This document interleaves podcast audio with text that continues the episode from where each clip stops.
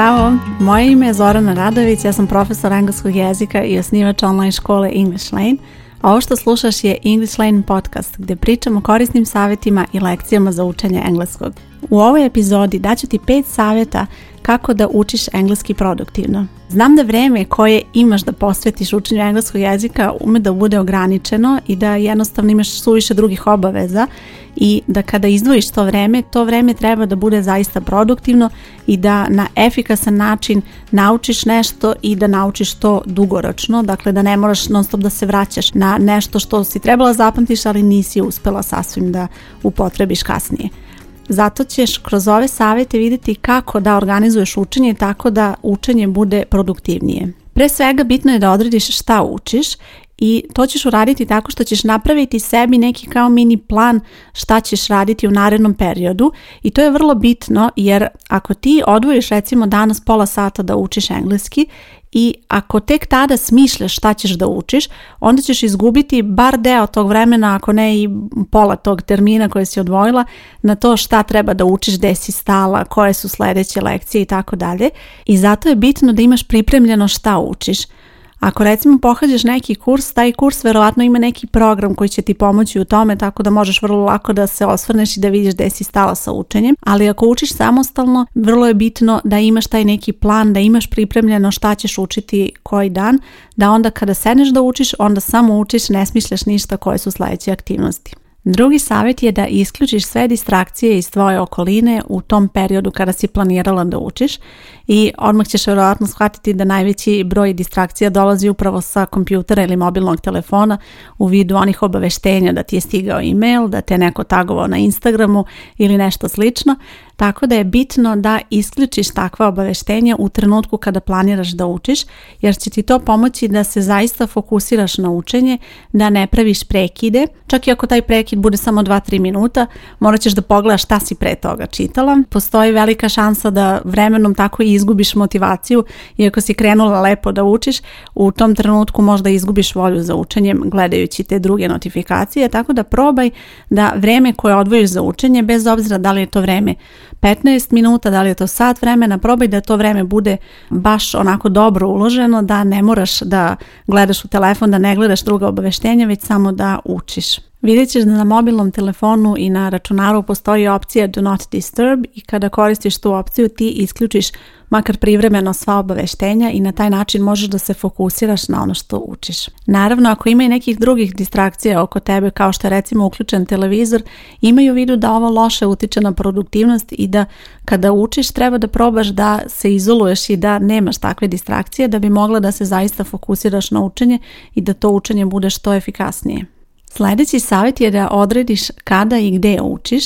i probaj da imaš neko svoje mesto za učenje jer će to zaista dobro uticati na tvoju produktivnost, a vidi i zašto. Kada je u pitanju recimo odmor, ako imaš neko svoje mesto za odmor, kao što je recimo sofa gdje ti voliš da čitaš knjigu ili gledaš na telefonu neke videe, kad god sedneš tu imat ćeš utisak kao da si onako spremna za odmor i mozak će već biti u tom nekom stadijumu da želi da se odmori i da se opušta i to je nešto što se prenosi naravno i na učenje. Ako recimo imaš sto gdje sediš kada učiš i sljedeći put kada sedneš mozak će onako biti programiran da očekuje tu istu aktivnost na koju je navik navikao tako da će učenje onako doći mnogo prirodnije i mnogo ćeš lakše krenuti sa učenjem i zato je bitno da ako si u mogućnosti odrediš neko mesto gdje ćeš učiti i naravno kada, znam da nije uvek lako uklopiti da uvek učiš u isto vrijeme, ali ako možeš da napraviš takav raspored, to će uticati dobro na produktivnost zato što ćeš steći naviku da uvek učiš u to vreme, na tom mestu i bit ćeš onako mnogo lakše će ti biti da kreneš kada treba da učiš. Sljedeći savjet je da napraviš naviku da učiš i ovo je veoma važno kada je u pitanju učenja engleskog jezika i verovatno si bila u situaciji da te mrzi onako da kreneš, da znaš da je najteže krenuti kada treba da počneš nečim da se baviš ili kada imaš neki projekat, kada imaš nešto da uradiš, znaš da je najteže krenuti i to je nešto što treba da nateraš sebe da u početku uradiš i kažem nateraš zato što u početku ćeš zaista naterati sebe, ali će vremenom to postati tvoja navika i vremenom nećeš imati tu potrebu da sebe nateraš, već ćeš jedva čekati da učiš, odnosno da radiš tu aktivnost u tom periodu. E sad kako doći do toga da napraviš naviku? Postoje istraživanja koja pokazuju da ako radiš nešto 2 do 5 minuta, i ako te mrzi da to radiš, ali zaista nateraš sebe da uradiš to u tom periodu, velike su šanse da ćeš nastaviti to da radiš i narednih 15 do 30 minuta. To se odnosi na vežbanje, to se odnosi na razne neke projekte, na rad i naravno odnosi se na učenje jezika. Dakle, ako nateraš sebe da narednih 2 do 5 minuta kreneš da učiš, velike su šanse da ćeš nastaviti to da radiš i narednih 15 minuta i to je ono što tebi treba da tebe pogura da ti kreneš sa učenjem engleskog jezika, da prevaziđeš tu blokadu koju imaš u početku gdje ne znaš kako da kreneš, gdje razmišljaš e,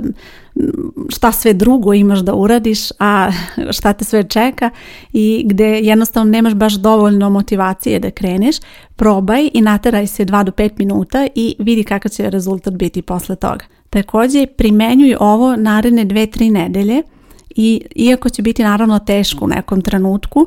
Probaj da budeš dosledna u tome i da zaista nateraš sebe da ispoštuješ taj raspored i da učiš bar u tom nekom kraćem vremenskom intervalu i onda ćeš vremenom stvoriti naviku da učiš. Učenje engleskog će postati onako tvoja realnost i nećeš imati utisak da učiš, već će biti to deo tvoje rutine i to će ti pomoći da budeš na dobrom putu da zaista učiš engleski pre svega redovno, a naravno onda i produktivno. Ono što će ti pomoći u stvaranju ove rutine je da imaš kalendar gdje ćeš obeležiti svaki dan kada si učila engleski i neka to bude nekad bukvalno 5 minuta, neka bude samo neka aktivnost koju ćeš uraditi, neka kratka aktivnost, neko vežbanje, nije bitno, bitno je da si ti nešto uradila taj dan i onda obeleži to u kalendaru i obeležavaj svaki dan i vidi koliko ćeš da izdržiš da redovno vežbaš engleski i vidjet ćeš kako će vremenom ta tvoja neka, da kažem, obaveza u početku vremenom će postati tebi čudno da ne popuniš kalendar, bit će ti čudno da ne uradiš ništa u toku dana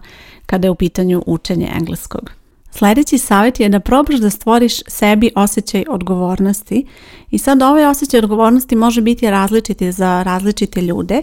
ali probaj da uradiš nešto što će tebi pomoći da dalje učiš engleski jezik i da ostaneš na tome. Recimo, mnogima pomaže ako kažu nekome da rade nešto i da se bave nečim i da onda to im daje dodatni motiv da sljedeći put znaju kad ih osoba pita da prosto neće da kažu da su odustali umeđu vremenu. Znači ako ti nekoj drugarici kažeš e počela sam da učim engleski redovno, sljedeći put kad vidiš tu drugaricu bit će ti sramota da kažeš ma prestala sam umeđu vremenu, malo mi je dosadno ili izgubila sam motivaciju, već će te to dodatno motivisati da ti ostaneš fokusirana na to. Naravno ima tu još opcija za stvaranje odgovornosti, na primjer možeš se upisati na neki kurs i onda ako znaš da si taj kurs platila i da imaš neki period kada treba da pohađaš taj kurs, ti ćeš imati osjećaj odgovornosti i razmišljaćeš o tome da ne želiš da ti propadne taj novac, već ćeš se posvetiti učenju čak i u nekim trenucima kada ti možda baš nije sasvim do učenja. To će se dodatno motivisati ili recimo možeš da se upišeš na neki kurs sa prijateljicom pa onda da imate taj taj osjećaj odgovornosti jedna prema drugoj, da treba da istrajete u tome i da jedna drugu motivišete, da ostanete fokusirane na učenje. Verujem da razumeš sada u čemu je pojenta kada pričamo o odgovornosti. Ako ti imaš prema sebi taj osjećaj odgovornosti i ako učenje engleskog predstaviš sebi kao nešto važno i kao tvoj prioritet, onda će i način na koji učiš biti mnogo ozbiljniji, učit ćeš redovnije i naravno bit ćeš produktivnija jer ta redovnost u učenju te upravo vodi ka produktivnosti zato što dok god redovno učiš i dok god imaš tu naviku, stvaraš naviku da učiš, to je nešto što će ti omogućiti da ostvariš sjajne rezultate bez obzira na kom si sada nivou, bez obzira koliko vremena imaš za učenje, bez obzira kojim tempom napreduješ. Čak i recimo ako ideš malo sporije od nekog predviđenog tempa zbog svojih obaveza, naravno, jednostavno ako učiš redovno, rezultati će biti tu vremenom i to je nešto što je tebi neophodno ako želiš da učiš produktivno i ako želiš da učiš sa dobrim rezultatima. I na kraju osvrnut se na to šta u stvari predstavlja produktivno učenje i kako treba da razmišljaš o celom ovom procesu. Poenta je da ne mora da znači da ako provedeš više vremena u učenju da će tvoji rezultati biti bolji, već je bitno da stvoriš okruženje oko sebe koje će ti omogućiti da učiš produktivno, da budeš fokusirana i da ostvariš što bolje rezultate.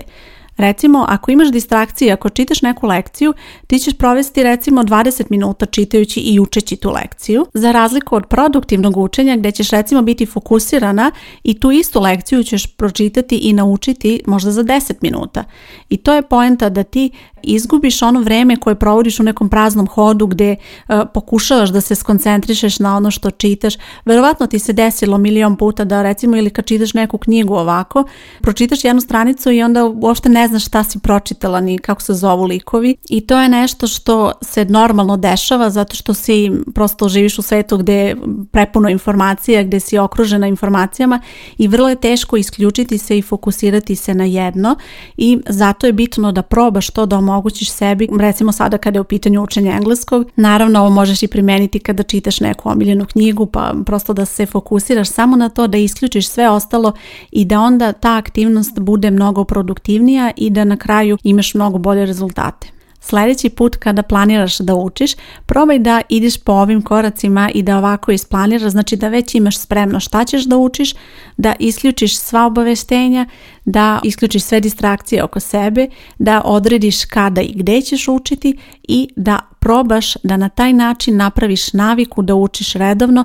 i naravno probaj da stvoriš sebi neki osjećaj odgovornosti koji će ti biti dodatna motivacija da ostaneš fokusirana na učenje. Za početak reci sebi da ćeš učiti samo 5 minuta i ne brini ako nemaš puno vremena za učenje, ako znaš da ne možeš da odvojiš sat vremena za učenje engleskog, razmisli ovako i odredi sebi da ćeš učiti 5 minuta.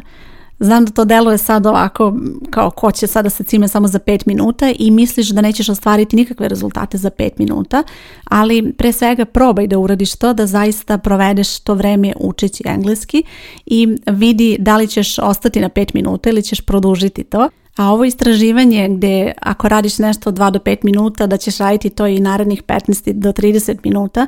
sam vidjela i potvrđeno u mojoj školi. Baš sam imala nedavno jednu polaznicu koja mi je to potvrdila koja je rekla kako je zaista bilo teško da krene da se posveti učenju ali je bila uporna i uradila je jedno dva vežbanja i na kraju je to povuklo da nastavi da radi i sada vremenom stvara kod sebe naviku i sve joj je lakše i jednostavnije da se vrati učenju i ima sve više motivacije. I sada kada gledam njen i kada gledam rezultate koje postiže, vrlo sam ponosna jer znam koliko je teško krenuti i koliko je teško napraviti tu naviku i ostati dosledan kada je u pitanju učenje i teško je biti produktivan u nekim trenucima, ali ako uspeš da kreni kreneš i ako uspeš da stvoriš tu naviku kod sebe, mnogo će ti biti lakše kasnije i vremenom će rezultati biti sve bolji i bolji. Ona uči u mojoj školi, u pitanju je online škola koja se zove English Lane i kursevi su online što znači da možeš da ih pohađaš u bilo kom trenutku, nisi vezana ni za kakve termine jer ti već pred sobom imaš program i plan po kome ćeš raditi